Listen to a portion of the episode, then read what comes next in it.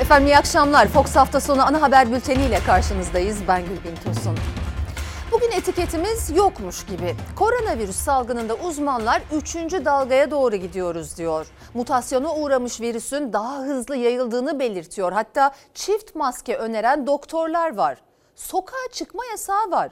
Ama birazdan ülkenin dört bir yanından yine inanılmaz kalabalıkların görüntülerini izleyeceksiniz. Sanki dünya çapında bilim insanlarını ürperten bir salgın yokmuş gibi. Cumhurbaşkanlığı Yüksek İstişare Kurulu üyesi Cemil Çiçek, Selahattin Demirtaş hakkında Avrupa İnsan Hakları Mahkemesi'nin tahliye kararına uyulması gerektiğini söyledi. Hukuki olarak uygulamakla yükümlü olduğumuz o karar yokmuş gibi, yokmuş gibi etiketiyle görüşlerinizi paylaşabilirsiniz diyelim ve bültende öne çıkan başlıkları aktaralım. Cumhur İttifakı ortakları Cumhurbaşkanlığı hükümet sistemini savunuyor. Ancak AK Parti içinden önemli bir isim Cemil Çiçek'ten dikkat çekici çıkış geldi aktaracağız. 3 milletvekilinin istifası ile ilgili CHP'den gelen saray operasyonu tartışması derinleşti. Akşener ve Muharrem İnce önemli açıklamalarda bulundu. Elbistan'da kar siyah yağıyor. Bölge halkı Çevre Bakanlığı'na seslendi. Peki neden? Kistik fibrozisli çocuklarımız için umut olabilecek ilaçları SGK karşılamıyor. Bir baba, oğlu ve diğer hasta çocuklar için İzmir'den Ankara'ya yürüyüş başlattı. Hepsi ve daha fazlası birazdan ama önce koronavirüs. Sayın seyirciler mutasyonla daha bulaşıcı hale gelen koronavirüsün bu yeni formunun Türkiye'de de 17 ilde görüldüğünü açıklamıştı Sağlık Bakanı Fahrettin Koca. Ancak uzmanlara göre 17 ille sınırlı kalması mümkün değil. Çok daha dikkatli olunması gerekiyor. Tokat'ı düşündüğümüzde daha lokalize bir ilimiz, Anadolu'da bir ilimiz. Yurt dışı bağlantısı çok fazla yok. Eğer oraya gitmişse Anadolu'daki diğer illerimizde de pekala koronavirüsün mutasyonlu tipinin çıkmış olabileceğini düşünmek gerekiyor. 17 ilde 128 kişide görüldüğü açıklanan mutasyonlu virüs uzmanlara göre Türkiye'nin tamamına yayılmış olabilir. Özellikle de vaka sayısının yüksek olduğu İstanbul ve Ankara'ya. Yani koronavirüs hemen her ilde çok daha hızlı bulaşıyor artık vatandaşlarımızın da hemen yakınlarında, kendi bahçelerinde, kendi gittikleri yerlerde, iş yerlerinde mutasyonlu virüs varmış gibi dikkat etmesi gerekiyor. Bulaşı daha fazla oluyor, daha hızlı oluyor. Bulaşma yöntemi de aynı açıkçası. İngiltere'de görülen mutasyon virüsü %70 daha bulaşıcı hale getirdi. Daha da korkutucu olanı İngiltere Sağlık Bakanlığı'nın yaptığı araştırma. İlk verilere göre sadece bulaşıcılığı değil, öldürücülüğü de daha yüksek mutasyonlu virüsün ve virüsün o yeni formu Türkiye'de de 17 ilde tespit edildi. Varyant virüsün bulaşıcılığı fazla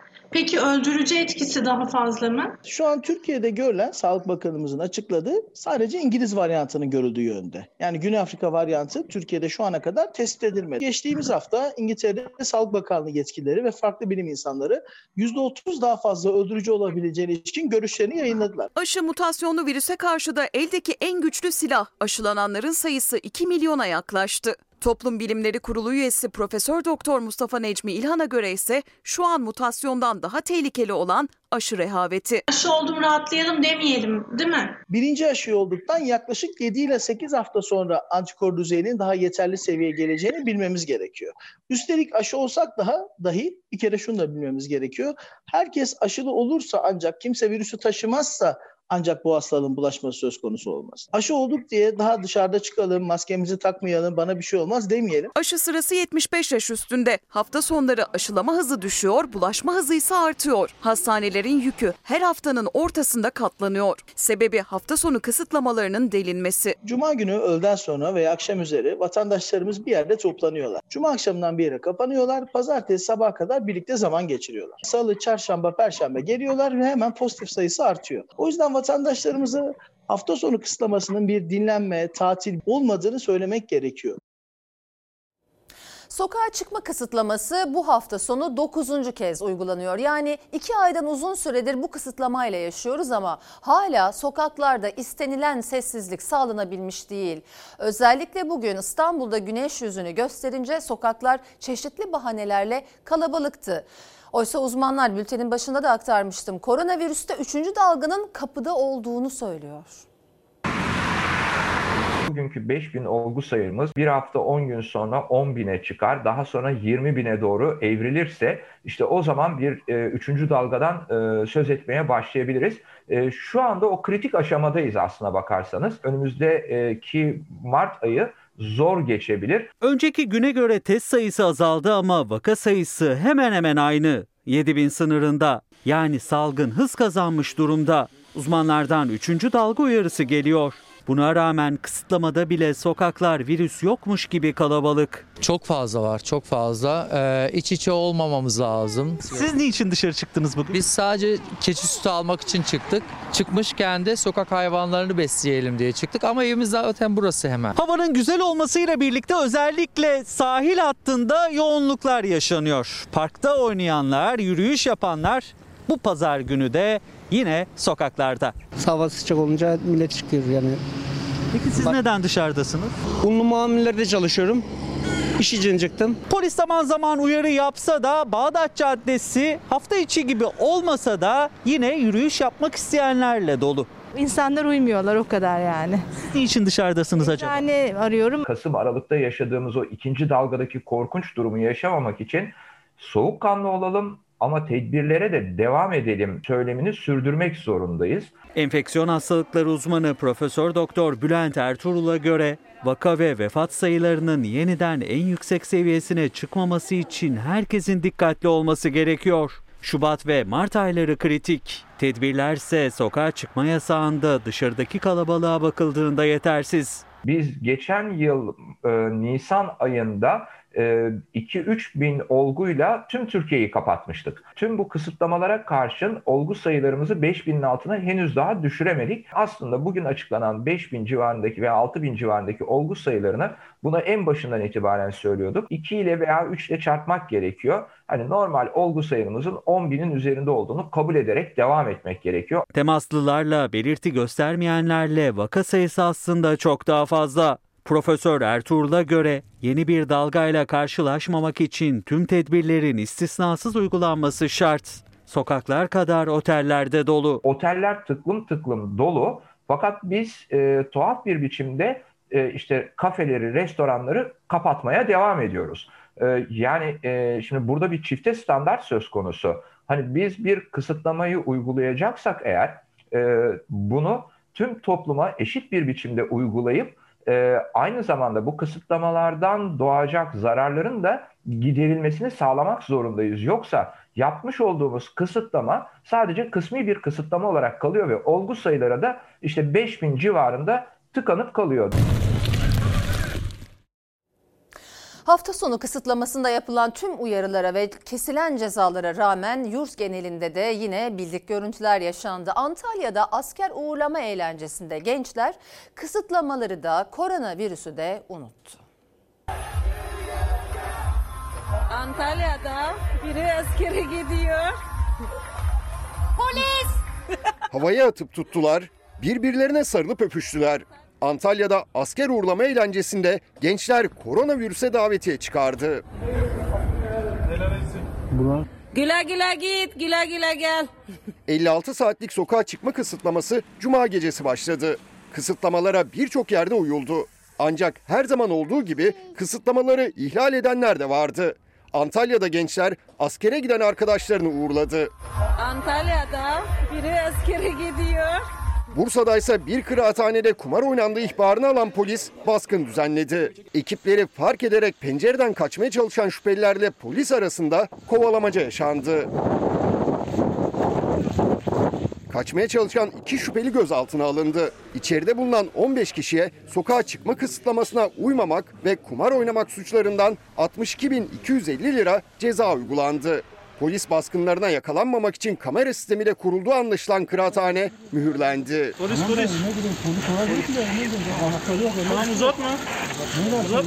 Kumar baskınının yapıldığı Eskişehir'de ise 38 kişiye 119.700 lira ceza kesildi.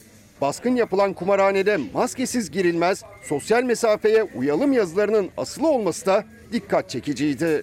Herkes kimliklerini çıkarsın.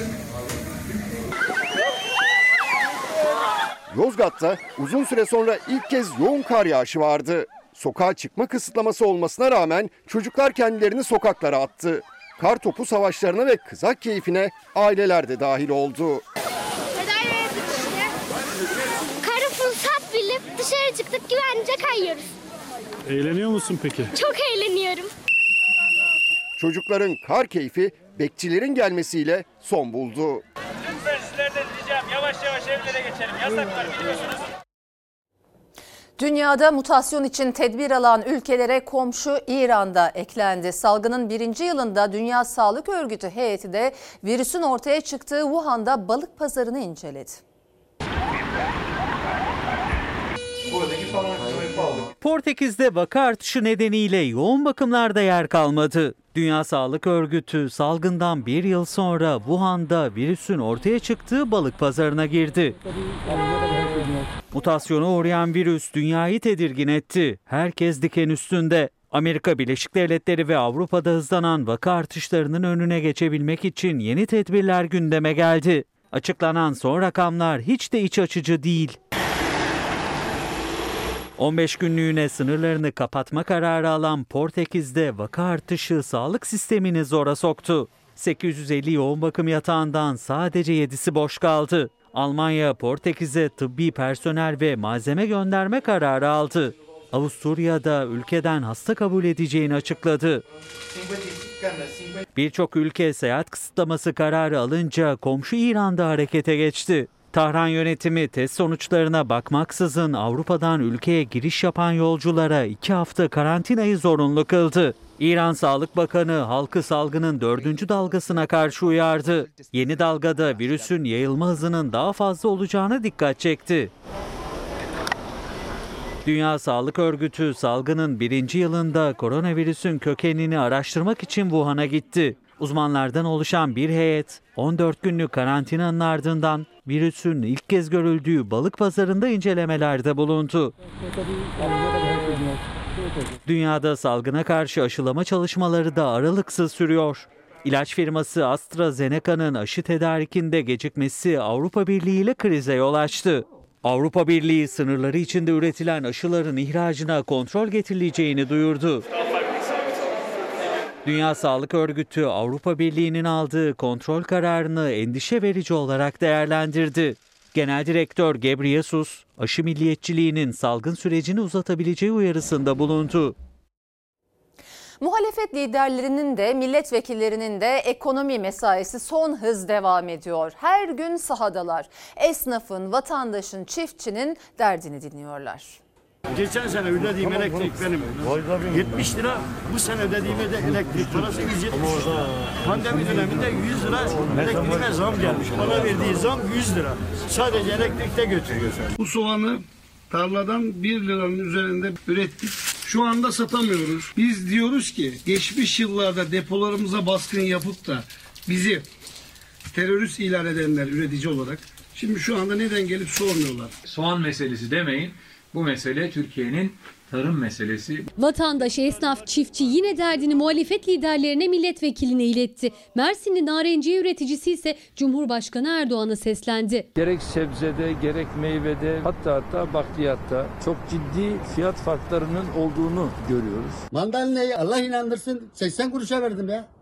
12 bin liraya mandalina yiyor bu vatandaş ya. 5 liraya sattığımız limonu 15 liraya satıyorlar. Zararı çeken üretici.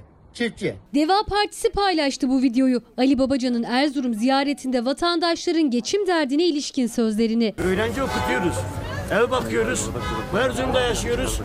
İki sene evvel, üç sene evvel Cumhurbaşkanımız şunu söyledi. Erzurumlar dedi. Size müjdemim var, müjdem var dedi. Doğalgazda yüzde yirmi indirim yapacağım dedi. Üstüne getirdi yüzde kırk koydu. Şimdi milleti böyle kandırmayla, böyle aldatmayla olmuyor. Neye muhtacız? Ekmeğimizi zor götürüyoruz. Kim ne derse desin yalan. Vatandaş perişan. Emekli maaşı düşük. Kira bir buçuk milyar olmuş. İşte bir yalan değil başkan. Ben emekli oldum 2000 lira alayım. 700 lira kira. 500 ton malımız var 1 kilo satamadık. Maliyeti kurtaracak mı? Burada duruyor. Maliyetini kurtaracak. Vekilim bu teker başına iki buçuk ton veriyor. İki buçuk tonu sat 60 kuruştan ne yapar? Maliyetini kurtarma. Hiç çekmeseydi 30, 60, 75 bin lira cebinde kalır. CHP Eskişehir Milletvekili Utku Çakırözer soğan üreticilerinin yanındaydı. İyi Parti, Isparta Milletvekili Aylin Cesur esnafı dolaştı. Kira mı verilir Maalesef kira olmadı abi. Bu zorla. Böyle bir ticaret yok. Kredi çekmesi kredi de yakın. Yani bu para alamıyoruz zaten. Artan gıda fiyatları için esnafı uyarmıştı Cumhurbaşkanı Erdoğan. Üretici de dertli. Hem maliyeti karşılayamamaktan hem de tarladan çıkan ürünün vatandaşa ulaşana kadar katlanan fiyatından. Benden alıyorlar 2 lira, 2,5 lira. 1 lira da nakliye koyuyorlar 3,5 lira. 1 lira da sen koy 4,5 liraya sat. Niye 10 liraya satıyor? Bizi burada rezil diyor. Bu bizim davamız değil. Bu üreticinin davası değil. Oradaki yetkililerin davası. Zabıtası var, memuru var, amiri var. Onlar e, kontrol etsin. Efendim Uğur Bey demiş ki bu ülkede çiftçi yokmuş gibi çiftçilere bakan göz önüne alan kimse yok. Gübre fiyatları uçtu sulama elektriğe sürekli zam geliyor tohum fiyatları mazot fiyatı derken ülkede çiftçi yokmuş gibi her gün haberlerimizde yer veriyoruz. İlker Bey de diyor ki esnaf batıyorken hiçbir şey yokmuş gibi davranmaya devam eden devlet büyükleri zengine tatilcilere gelince Covid yokmuş gibi sessiz kalmaya devam ediyor demiş. Biz de şimdi esnafın dertlerini anlatan bir haberle devam edeceğiz. Esnaf sektör temsilcileri de 11 ayda gelinen noktayı karanlık bir tünel olarak nitelendiriyor ve çıkış ışığı göremediklerini söylüyor. Üstelik artan gıda fiyatları sadece tüketiciyi değil, lokantacıları da olumsuz yönde etkiliyor. Çünkü zaten müşteri bulamadıkları için sattıkları yemeğe zam da yapamıyorlar. Dört tane kiramız daha birikti. Ben ışık göremiyorum. Şu pozisyonda hiç göremiyorum. Yani şu 11 aydır hep cepten, hep cepten, hep cepten. Yani cepte de kalan bir şey yok yani. Kalmadı, o da kalmadı. Allah için herkes elini vicdanına koysun. Görsünler yani. Bir ışık görmek istiyorlar ama borçları öyle birikti ki umutları tükendi. 11 aydır iş yapamıyor esnaf. Lokantalarda sadece paket servise izin var. Sektör temsilcilerine göre esnafın geldiği nokta karanlık bir tünel. Şu anda bir karanlık tünelin içerisindeyiz sektör olarak. Yani bir tane tünelin içerisindeyiz yürü deniyor. Ne tarafa yürüyeceğiz? Tünelin ışığını ucunu görmek istiyoruz. Tünelin ucundaki ışığı göremiyor esnaf. Gıda fiyatlarındaki artış salgın sürecinde zaten iş yapamayan esnafı daha da zora soktu. Esnafın maliyeti arttı ama bazı esnaflar sırf daha fazla müşteri kaybı yaşamamak için sattıkları yiyeceklerin fiyatlarını artırmadı. Biz zam koyamıyoruz. Domatesi ben 2 liraya alıyordum. Şimdi oldu 5 lira. 2 günde bir 250 milyon zebzeye ben para veriyordum. Şimdi 400 liraya falan çıktı. Yani bu bir haftanın içinde oldu o da. Yok ben nasıl yansıtayım ki? Yans- yansıtamam ki ben. O zaman 4 tane müşteri geliyorsa o da gelmez. Alttaki daha bugün aldım. 750 lira. 15 kilo et 750 lira. 700 liraydı. 600 liraydı. Fiyatlarımıza şu anda bir şey bizi yansıtmadık. Çünkü insanları zaten zor durumdalar. Bir SSK primleri ödeme konusundaki bir takım zorunluluklarımız var. Mesela bakın stopajlar %10 olarak hala devam ediyor. Bakın e, kapalı iş yerlerimizde çok ciddi anlamda icraî işlemler başladı. Çalar Saat hafta sonunda İlker Karagöz'ün konuğu olan Türkiye Lokantacılar ve Pastacılar Federasyonu Başkanı Aykut Yenici esnafın taleplerini yineledi. SSK primlerinin ertelenmesini, stopaj alınmamasını istiyorlar. Zaten lokantaların duvarlarında da o ödemelerin belgesi faturalar asılı. SGK orada daha hiçbir tanesi ödenmemiş. Burada hepsi. Şimdi ne kadar borç Çok. 3 tane zaten eleman, 3-4 tane eleman hepsi sigortalı. 1 milyar 200 kişi baş. Ödeyebiliyor musunuz? Yok nerede? Ödemiyoruz. Hani yeri geliyor bazılarını askıya alıyoruz. Bekletmek zorunda kalıyoruz. İstanbul Zeytinburnu'nda başka bir lokantadayız. Burada da yine esnaf fiyatlarda bir değişiklik yapmadı. Fiyatlarda bir artış olmadı ancak bir yandan dükkan kirası, stopaj SSK primleri derken esnaf işin içinden çıkamıyor. Borçlar giderek katlanıyor. Esnaf artık kalıcı bir çözüm bekliyor. 35 senelik lokantasında gideri gelirini aşan Hasan Karayel gibi birçok esnaf 1000 liralık destekle ayağa kalkacak gibi değil. Çözüm diye bir şey yok ki. Ne? Bin, bin lira aldık Allah'a çok şükür. Yetiyor. 13 milyar kirası var. 1 milyar yetti. 5 tane eleman vardı. 3'e düşürdük. 18 saat çalışıyor çocuk. Daha ne söyleyeyim yani? Bu söylenecek bir şey yok ki. Efendim kistik fibrozisli çocuklarımız için e, ve de fizik tedavi teknikerlerinin dertleri için haberlerimiz var. Çok sayıda mesaj geliyor onun için paylaşmak istedim. Birazdan aktaracağız sizin sorunlarınızı. Siyasetin en sıcak başlıklarından biri de sistem tartışması. Muhalefet güçlendirilmiş parlamenter sisteme dönüş çağrısı yaparken Cumhur İttifakı ortakları Cumhurbaşkanlığı hükümet sistemini savunuyor. Ancak AK Parti içinden önemli bir isimden dikkat çekici çıkış geldi.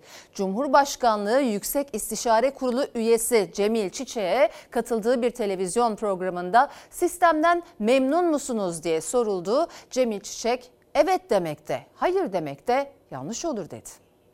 Cumhurbaşkanlığı hükümet sistemi oldu mu? Memnun musunuz? evet hayır tarzında dersek hiç konuşmasak daha iyi olur. Çünkü buradan yanlış sonuçlar e, çıkarabilir. Denge ve denetleme olmak kaydıyla her sistem demokratik olabilir. Bugün sağlam mı sizce denge ve denetleme?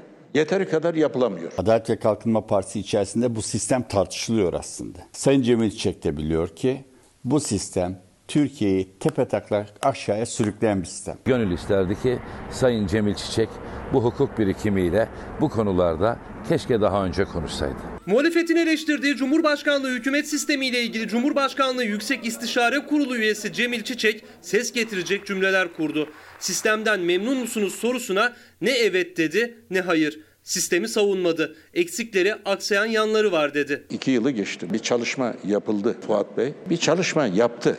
Yani bu sistemin aksayan yönleri nedir, ne değildir? Belli ki bugün bu sistemin başında olanlarımız da sistemde bazı aksaklıkların, bazı eksikliklerin olduğunu kabul ediyor. Cemil Çiçek Haber Global Televizyonu'na konuştu. Sistem değişikliğine giden süreci özetlerken 367 krizini, 27 Nisan muhtırasını, AK Parti'ye açılan kapatma davalarını hatırlattı. Muhalefeti de sorumlu tuttu. Bugünkü sistemde denge ve denetleme yeterli değil sözleri dikkat çekti. Şimdiki sistemden şikayet edenler şunu yapabilmeli. Birinci maddesinden yürürlük maddesine varıncaya kadar yazılmış bir metni ortaya koymaları lazım. Bizim anayasa taslağımız bu. Denge ve denetleme olmak kaydıyla her sistem demokratik olabilir. Bu ucube sistemin Türkiye'de uygulanmaya başlamasından bu yana ekonomi çöktü.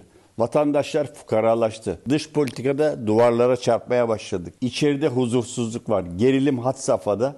Bu sistemin bana iyi diyebileceğiniz hiçbir uygulamasını gösteremezsiniz. Siyasi partiler yasası e, baştan değişmeden bu sistem tartışmasını yapmak doğru değil.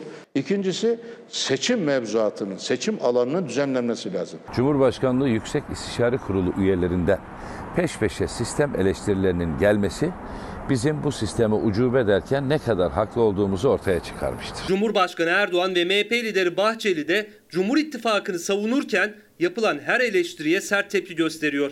Cumhurbaşkanlığı Yüksek İstişare Kurulu üyesi Cemil Çiçek ise sistemi savunuyor musunuz sorusuna ne evet dedi ne hayır. Sözlerinin Cumhur İttifakı cephesinde nasıl yankılanacağı merak konusu.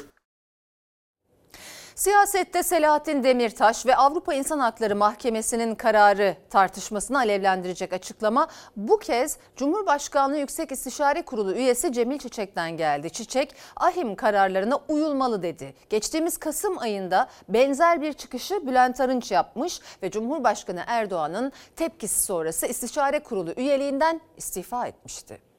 Ahim kararlarında uyguladık ki ortada bir olay var. Bir karar verilmiş uygulamayan filanca mahkeme e, o mahkeme bu, bunu uygulayacak. Anayasa öyle diyor. Cumhurbaşkanlığı Yüksek İstişare Kurulu üyesi Cemil Çiçek de Avrupa İnsan Hakları Mahkemesi kararlarına uyulmalı çıkışı yaptı. İsim vermedi ama Avrupa İnsan Hakları Mahkemesi en son HDP'nin tutuklu eski eş genel başkanı Selahattin Demirtaş için derhal serbest bırakılmalı kararı vermişti. Bir hukuki sorun varsa onu hukuka sormamız gerekir. Hukuk ne diyor? Lehimize de olsa, aleyhimize de olsa biz onu kabul edip gereğini yapmamız lazım. Yüksek İstişare Kurulu'ndan böyle seslerin gelmesi de Erdoğan'ın iki defa daha düşünmesini gerektiren bir haldir. Ben inanıyorum ki bizim yargımız Selahattin Demirtaş gibi bir teröriste böyle bir imkan hazırlamaz. Cumhurbaşkanı Erdoğan her konuşmasında Selahattin Demirtaş için terörist ifadesini kullanıyor. Avrupa İnsan Hakları Mahkemesi'nin kararı sonrası da Bülent Arınç'ın Demirtaş serbest kalmalı sözlerine de sert tepki göstermişti. Selahattin Demirtaş'la ilgili 3-4 seneden beri tutuklu olan bir insan hakkında iddianamenin yazılması, iddianameyle birlikte tahliyenin yapılması da mümkün. Onun yazdığı çok güzel bir hikaye kitabı var. Ne olur onu alın bir okuyun. Kitabını herkesin okusun dediği kişi elinde binlerce Kürt kardeşimin, askerimin, polisimin, öğretmeninin kanı olan bölücülük peşinde koşan bir terör örgütünün siyasetçi maskesi takmış savunucusudur. Ahim kararı Demirtaş tartışması Arınç'ın Cumhurbaşkanlığı Yüksek İstişare Kurulu üyeliğinden istifasıyla noktalandı. Bu kez yine başka bir Cumhurbaşkanlığı Yüksek İstişare Kurulu üyesi Cemil Çiçek, Haber Global Televizyon'da katıldığı programda Demirtaş adını zikretmedi ama ahim kararına uyulmalı dedi. Avrupa İnsan Hakları Mahkemesi ve Anayasa Mahkemesi kararlarının uygulanmaması Evet. bir sorun mu? E, elbette sorun olmasa niye konuşacağız? Ki ortada bir olay var. Bir karar verilmiş uygulamayan filanca mahkeme e, o mahkeme bu, bunu uygulayacak. E, anayasa öyle diyor. 153'e son fıkra bunu söylüyor. E, yapılması gereken budur. Avrupa İnsan Hakları'nın kararlarını yargılama yetkisi olarak kabul ettiğimizi beyan etmiş bir ülkeyiz. Sayın Cemil Çiçek'in buna uyulmasını istemesi çok doğaldır, olması gerekendir. ahim kararlarının, Anayasa Mahkemesi kararlarının uygulanmadığı bir devlet asla hukuk devleti olamaz. Cemil Çiçek'e henüz ne Cumhurbaşkanı Erdoğan'dan bir yanıt geldi ne de kurmaylarından. Ama muhalefet Çiçek'in Cumhurbaşkanlığı Yüksek İstişare Kurulu üyeliğine vurgu yaparak sözlerine dikkat çekti. Avrupa İnsan Hakları Mahkemesi'ne kararlarını uygulama noktasında Türkiye'nin geçmişte imzaladığı bir anlaşma var. İmzanızı çekmediğiniz takdirde bu kararları uygulama zorunluluğunuz var. Hayır ben uygulamıyorum. O zaman oturup ki anlaşmayı tek taraflı feshedebilirsiniz. Bu sizin elinizde. Siyaset HDP'ye kapatma davasını tartışırken partinin İstanbul Esenyurt İlçe Başkanı Ercan S. terör örgütüne üye olmak suçundan tutuklandı. HDP Esenyurt İlçe binasına yapılan operasyonda terörist başı Öcalan'ın afiş ve posterleri bulunmuş. İki şüpheli terör örgütü propagandası yaptığı gerekçesiyle gözaltına alınmıştı. İlçe Başkanı Ercan S. bugün mahkeme tarafından tutuklandı. Diğer şüpheli Dilan K. ise adli kontrol şartıyla serbest bırakıldı efendim. 3 milletvekilinin istifası ile ilgili CHP'den saray operasyonu açıklaması gelmişti. CHP o iddiasını sürdürüyor. Hatta Millet İttifakı ortağı İyi Parti de yaşananları operasyon olarak niteliyor. İyi Parti Genel Başkanı Meral Akşener bir el CHP'yi yalnızlaştırmak istiyor dedi. Saray operasyonu sözlerine tepki gösteren Muharrem İnce ise CHP'den istifa edeceğini duyurdu. Cumhuriyet Halk Partisi bu saray rejimine, bu tek adam rejimine karşı kendi yolunda yürümeye devam edecektir. Saray operasyonları CHP'yi asla yolundan döndüremeyecektir. Birileri mesajlarla ikna etmeye çalıştığı milletvekillerine istifalar saray operasyonu diyor. Kendi acizlik ve ilkesizliklerini saraya bağlayan muhalefetle kendi beceriksizliğini dış güçlere bağlayan iktidar aynı yolun yolcusudur. 3 milletvekilinin istifasının ardından CHP'den yükselen saray operasyonu çıkışına Muharrem İnce de tepki gösterdi. Millet İttifakı ortağı İyi Parti de yaşananların operasyon olduğunu söyledi. Bunu önce İyi Parti'de denediler. Bir takım arkadaşlarımızın bu partiden ayrılmasına yönelik operasyonlara giriştiler. Ama bir şey gördüler ki millet nezdinde İyi Parti aksine güçlenerek çıktı. İyi Parti'yi bu operasyonlar sökmeyince Cumhuriyet Halk Partisi üzerinden bu operasyonlara devam etmeye başladıklarını görüyorum. Mehmet Ali Çelebi, Özcan Özel ve Hüseyin Avni Aksoy sert eleştirilerle CHP'den istifa etti. Muharrem İnce de partisinden istifa edeceğini açıkladı. 3 vekil İnce'nin kuracağı partiye geçecek. Ben gördüm ki Cumhuriyet Halk Partisi Cumhuriyet Halk Partisi'nden sürgün edilmiş. İtaat et, rahat et anlayışına hakim kılanlara. Milletvekillerimizin başka bir siyasi tasarruf ve değerlendirme içinde olmalarını tabii karşılayabiliriz. Ancak bunu yaparken Cumhuriyet Halk Partisi ile yol ayırırken Cumhuriyet Halk Partisi'ni karalayarak kendilerine bir mazeret çıkarması kabul edilemez. İstifa eden 3 vekilin eleştirilerine tepki gösteriyor CHP. Ama istifaların arkasında da Cumhur İttifakı olduğunu söylüyor operasyon diyerek. Erdoğan bir panik hali içindedir. Hem Millet İttifakı'nın hem Cumhuriyet Halk Partisi'nin milletle bütünleşmesi, kaynaşması, hem hal içinde olması, milletin yaşadığı ızdırabı dile getirmesi Erdoğan'ı rahatsız etmektedir. Demokrat Parti, Saadet Saadet, Partisi. Partisi, Deva Partisi, Gelecek Partisi, İyi Parti bir Üçüncü e, ittifak. üçüncü ittifak kuralım. CHP yalnız başına, HDP yalnız, yalnız başına ya da ikisi beraber bir ittifak kuralım. Buraya doğru ittiren bir el var. İyi Parti Genel Başkanı Meral Akşener de bir el diyerek Millet İttifakı'nın parçalanmak istendiğini, CHP'nin yalnızlaştırılmaya çalışıldığını söyledi. %50 artı bir barajı aşması mümkün görünmeyen Cumhur İttifakı kendisini toparlamayı beceremediği için karşı ittifakı dağıtma yolunda uzunca bir süredir farklı girişimlerde bu. Ne Cumhuriyet Halk Partisi'ni ne Millet İttifakı'nı yalnızlaştırmaya Erdoğan'ın gücü yetmez. Türkiye'de kim yalnızlaşacak diye bana sorarsanız Recep Tayyip Erdoğan yalnızlaşacak. Her gün yalnızlaştığı gibi. Saadet Partisi turlarını seçim ittifakı olarak açıklayan Cumhurbaşkanı Erdoğan henüz CHP'deki istifalara ilişkin konuşmadı. Millet İttifakı'ndan gelen operasyon çıkışına ne yanıt vereceği de merak konusu. Vedat Bey demiş ki yokmuş gibi ülkede hiçbir sorun yokmuş gibi muhalefet partisi milletvekillerinin istifa etmesi ve parti kurması kime hizmet ediyor diye soruyor. Bir eleştirisi var. Biraz önce Cemil Çiçek'in açıklamaları ile ilgili sanıyorum bir izleyicimiz de sistem var mı yok mu hükümet bile bilmiyor varmış gibi yapıyor. Ekonomi Endonezya gibi çöktü. Ülkede sağlam kalan devlet kurumu yokmuş gibi şu an maalesef diyeyim diye yazmış bizlere. Efendim üniversiteler sağlık hizmetlerinde görev yapacak binlerce mezun veriyor her yıl. Ancak mezunların çoğu diplomalı işsizlerin arasına katılıyor. İş bulabilenlerse kendi mesleğini yapamıyor diğer alanlara yöneliyor. Fizik tedavi teknikerleri kadro beklerken fizik tedavi olmak isteyen vatandaşlarsa randevu bulmakta zorlanıyor. Bölümümüz her yıl yaklaşık 6 bin mezun vermekte. Yapılan son sağlık personeli alımında 30 bin fizik tedavi teknikerine karşılık bizlere yalnızca 50 kadro verildi. Bizler diplomalı işsizler arasında yer alıyoruz. Eğitimini gördüğümüz alanda istihdam edilmiyoruz. Bizler mesleğimizi yapmak istiyoruz. Onlar her yıl 6 bine yakın mezun veren fizik tedavi teknikerliği bölümü mezunları 30 bin mezun iş bekliyor ama 6 yılda sadece 793 kişilik kadro açıldı. Üniversiteden mezun olduktan sonra yıllarca iş bulamıyorlar. Onların yerine kurslardan mezun olanlar ya da şehir hastanelerinde taşeronlar çalıştırılıyor. Bölüm dışı personelin ve taşeronun çalışma alanımızda bulunmamasını, meslek tanımlarımızın düzenlenmesini istiyoruz.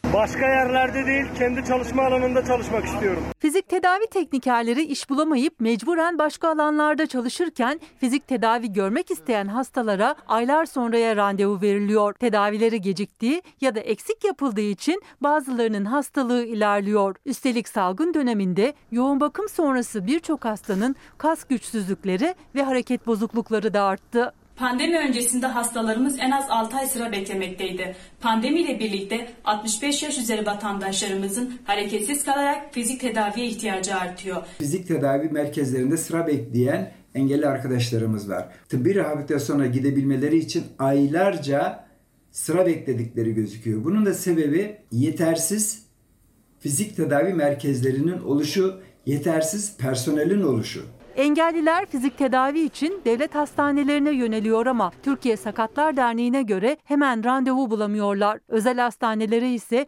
çeşitli kalemler adı altında ek ücret ödemek zorunda kalıyorlar. Hangi hastane istiyorsan gidebilirsin deniliyor ama kapıdan içeri girdiğin zaman kaydını yaptırdığın zaman şu kadar para vereceksiniz ile karşı karşıya. SSK'nız olmanız, olması, emekli olmanız hiçbir şey ifade etmiyor. Ülkemizde şu anda her yaş kesiminin fizik tedaviye ihtiyacı varken yeterli alım yapılmıyor. Randevu yükünü hafifletmek, doğru tedaviyi uygulamak için fizik tedavi teknikerleri görev bekliyor. Onlar gibi tıbbi dokümantasyon ve sekreterlik bölümü mezunları da aynı sıkıntıyı yaşıyor. Salgın döneminde katkı sunmak istiyorlar ama açılan kadronun 400 katı kadar mezun evinde. Diplomalarımıza ve emeklerimize karşı yapılan tüm haksızlıklara dur diyoruz. 140 binden fazla mezun sayımıza karşılık adil bir atama istiyoruz. Tıbbi sekreterler için en az 6 bin atama istiyoruz. Buğday ithalatında gümrük vergisinin sıfırlanması Nisan ayına kadar uzatıldı. Türkiye'nin en çok buğday aldığı ülke ise Rusya. Türkiye ithalatı kolaylaştırırken Rusya tam tersi yönde bir adım attı. İç piyasadaki fiyatların artmasını engellemek için ihracata vergi getirdi. Son 7 yılın en yüksek rakamına çıktı. Yani Rusya'da buğdayın tonu 300 dolara çıktı. Şimdi tabii oradaki her artış bize yansıyacak. Çünkü biz buğday alacağız. Şimdi Toprak Mahsulleri Ofisi 400 bin ton ihale açtı. Bunun büyük bir bölümü Rusya'dan alınacak. Türkiye buğdayda %45 olan gümrük vergisini sıfıra indirdi ve 31 Aralık 2020'ye kadar geçerli olacak uygulamayı da Nisan 2021'e kadar uzattı. 400 bin ton alım için de ihaleye çıkıldı. Buğdayı aldığımız Rusya ise ihracata vergi koydu. Buğday ticaretinin iki kutbundaki ülkelerin aldığı bu kararlar aslında üreten ve üretmeyen farkını da gözler önüne sermiş oldu. Biz ithalat yapmak için vergileri sıfırlıyoruz.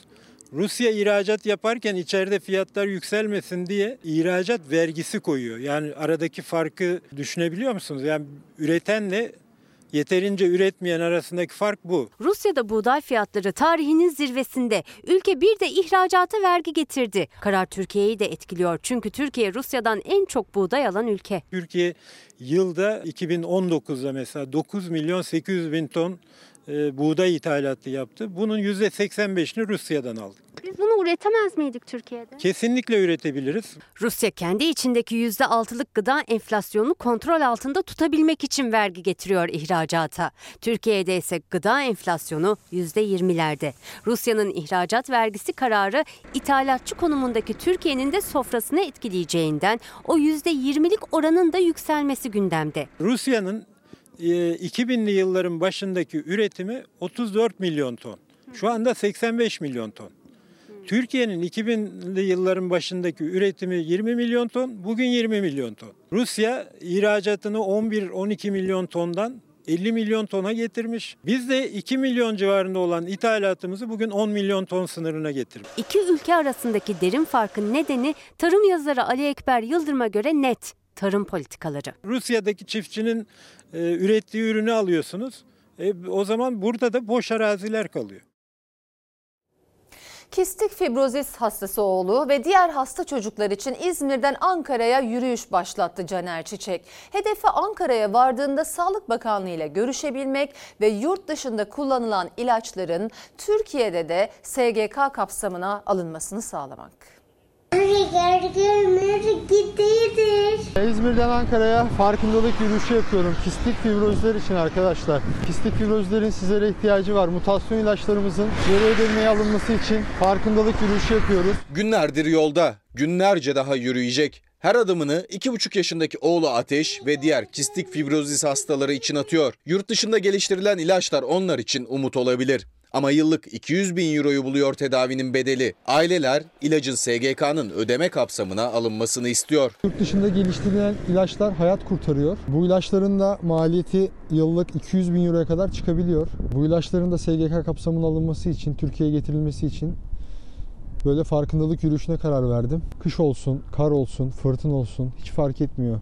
Genetik bir hastalık kistik fibrozis, başta akciğer, karaciğer, pankreas ve bağırsak salgılarının bozulmasına neden oluyor. Uygun tedaviyle daha iyi bir hayat sürebiliyor hastalar. Yeni geliştirilen ilaçlar hastaların yaşam süresini uzatabiliyor ve hastanede yatış sürelerini kısaltıyor. Yıllık 200 bin euro yani 1 milyon 750 bin liradan fazla tutan ilaçları ise ailelerin çoğu karşılayabilecek durumda değil. Hastane yatışları çok uzun oluyor. Bazen aylarca bile yatabiliyor bu hastalar. Sadece duyarlı olun. Sadece bizleri duyun. Yeter. Yürüyüşümün 5. günündeyim.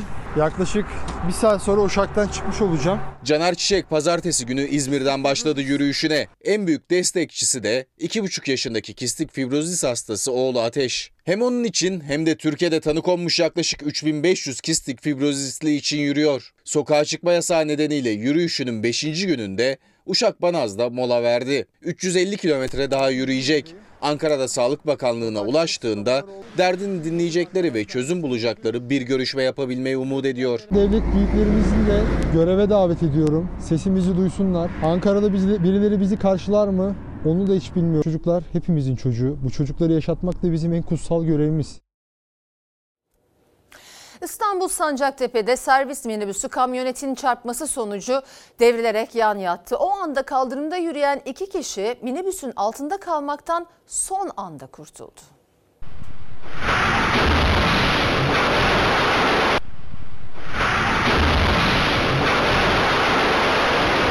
Devrilen minibüsün altında kalmaktan son anda böyle kurtuldular. Güvenlik kamerasına yansıyan mucize kurtuluşun görüntüsü İstanbul Sancaktepe'de kaydedildi.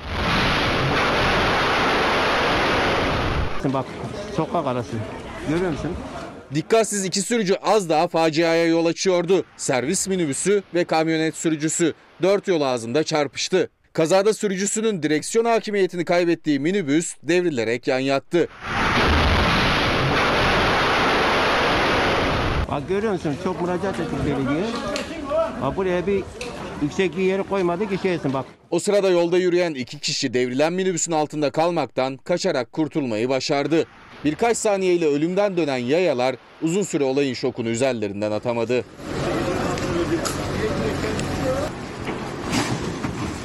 Kazada yaralanan minibüs şoförü hastaneye kaldırıldı. Aynı sokakta birçok kez kazaya şahit olduklarını söyleyen vatandaşlar yola hız kesici kasislerin koyulmasını istedi. Çok belediyelere başvurduk bunu buraya bir şey koymadı. Yüksek koymadı arabalar buraya gelip çarpıyorlar. Bak gözüm bir araba bak madı arasında. Hamsi yasağı sürüyor ancak yasak bazı bölgelerle sınırlı. Bunu bilmeyen tüketici tezgahlardaki tüm hamsileri buzhane sanıyor, uzak duruyor. Zaten çoğu tüketici fiyatı nedeniyle de hamsinin yanına yaklaşamıyor. Bu sahne mi bu hamsiler? Taze hamsi. Ben şimdi hamsinin buzhane olduğunu düşünüyorum. Çünkü devlet yasakladı öyle biliyoruz. Belirli bölgeler Karadeniz tarafında ufak hamsilerin tutulması yasaklandı. Bu hamsilerin tutulması şu an serbest. Hamsi avlama yasağının sadece belirli bölgelerde olduğunu her müşteriye tane tane anlatıyor balıkçı. Çünkü tezgahta hamsi gören müşteri buzhane olduğunu düşünüyor, almaktan vazgeçiyor. Fiyatını soransa ikinci şoku yaşıyor. Mevsiminde olmasına rağmen az çıktığı için hamsinin kilosu 40 lira. Hamsi en fazla 15 lira olur. Ne kadarmış? 40 lira. Bu şartlarda herkesin bu hamsiye ulaşması mümkün değil. Bir zamanda fakirin yemeğiydi. Kasayla satılırdı bu. Belirli bölgeler yasak. Örnek veriyorum Boğaz'dan e, Gürcistan'a kadar ama Boğaz'dan İneada'ya kadar olan yer balık avcılık yapılması serbest. Almıyorlar, e, tereddütte kalıyorlar. Yasak olan şey nasıl oldu? Donmuş mu acaba? Ama biz e, ister istemez mağdur kalıyoruz. Ya belki siz yalan söylüyorsunuz diyor. Donmuş hamsi. Üreme süreci tamamlanmadan hamsiler daha büyümeden avlanmaya başlandı. Nesli tükenme tehlikesiyle karşı karşıya kalınca 10 günlük av yasağı getirildi. Yetmedi yasak 7 Şubat'a kadar uzatıldı. Müşteri hamsiden vazgeçti ancak yerine fiyat olarak koyabileceği başka bir balık da bulamadı tezgahta. Balık alacak mısın? Almayacağım. Neden? Baktığını söyle. Boyumu aşıyor. Alabiliyor musunuz balık? 35 liraya falan verdikleri zaman alıyorum. Emekli misiniz? Emekliyim. Bakıp geçmek ne hissettiriyor size? Haftada bir defa balık yemek lazım. Bunu söylüyorlar. Biz de onu yerine getirmeye çalışıyoruz. Bizim seviyemize iniyor. O zaman biz de bu arzumuzu yerine getiriyoruz. Yani 35 liraya düşerse öyle mi? Evet. Balık tezgahlarında diğer balıklara kıyasla nispeten daha uygundu hamsinin fiyatı. Ancak bazı bölgelerde avlanması yasaklandı. Dolayısıyla tezgaha çok daha az gelir oldu. Ancak tüketici konuyu çok yanlış anladı ve hamsiyle arasına mesafe koydu. Ben şey olduğunu düşünüyorum. Buzhane olduğunu düşünüyorum. Ve yanlış anlaşıldı. Böyle bir, bir düzeltilme de yapılmadı. Bu hamsinin şu an yasal olarak herhangi bir yasağı yok. 40 lira e, tabii şu an için oldukça yüksek. Hani 20 lira 25 lira olsa daha makul olurdu. İstavrit alırım diye düşündüm bugün televizyonda gördüğüm fiyata göre ama burada istavrit de pahalıymış. Hamsinin kilosu 40 lira, istavriti hamsiyle aynı fiyata. En uygun balık mezgit kaldı tezgahta, o da 35 lira. Çupra 60, çinekop 80 lira. Yani parası olan alıyor, bütçesi yetmeyen bakıp geçiyor. Asgari ücretle çalışanlar alamaz. Çoğu alamaz yani. Ya ekmek alamıyor çoğu. Batı bölgelerimizde hava sıcaklıkları artarken doğuda kar yağışı etkili oluyor. Birçok bölgede kar yolları kapadı. Van'ın Çaldıran ilçesinde sağlık personeli yolu kapanan mahallede mahsur kalan bir aylık bebeğin pansumanını yapabilmek için 6 saat kar ve tipiyle mücadele etti.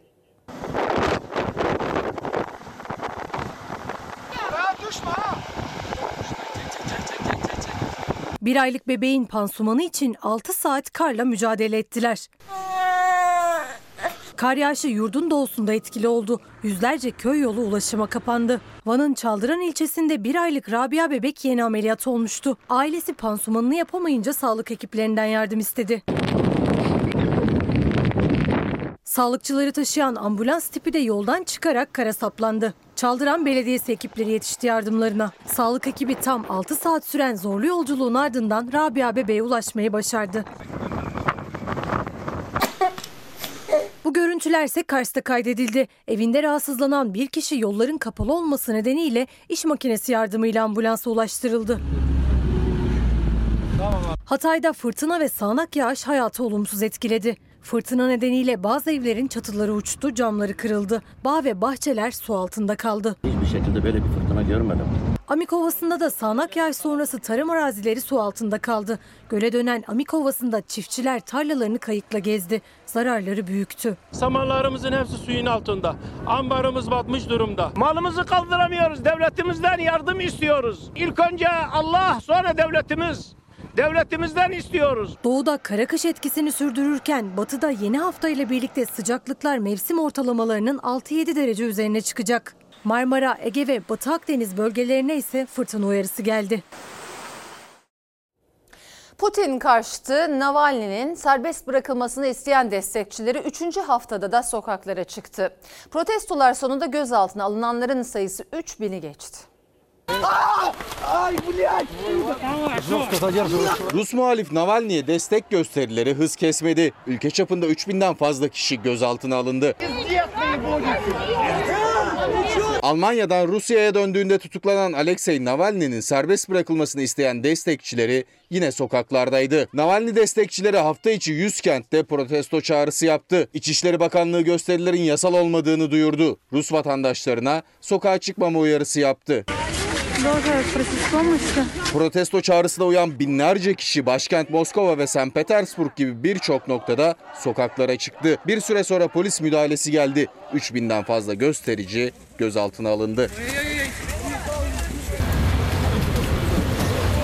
Navalny'nin Putin'e ait olduğunu iddia ettiği sarayın sahibi de ortaya çıktı. Putin'in judo arkadaşı milyarder iş insanı Arkady Rotenberg sarayın kendisine ait olduğunu söyledi.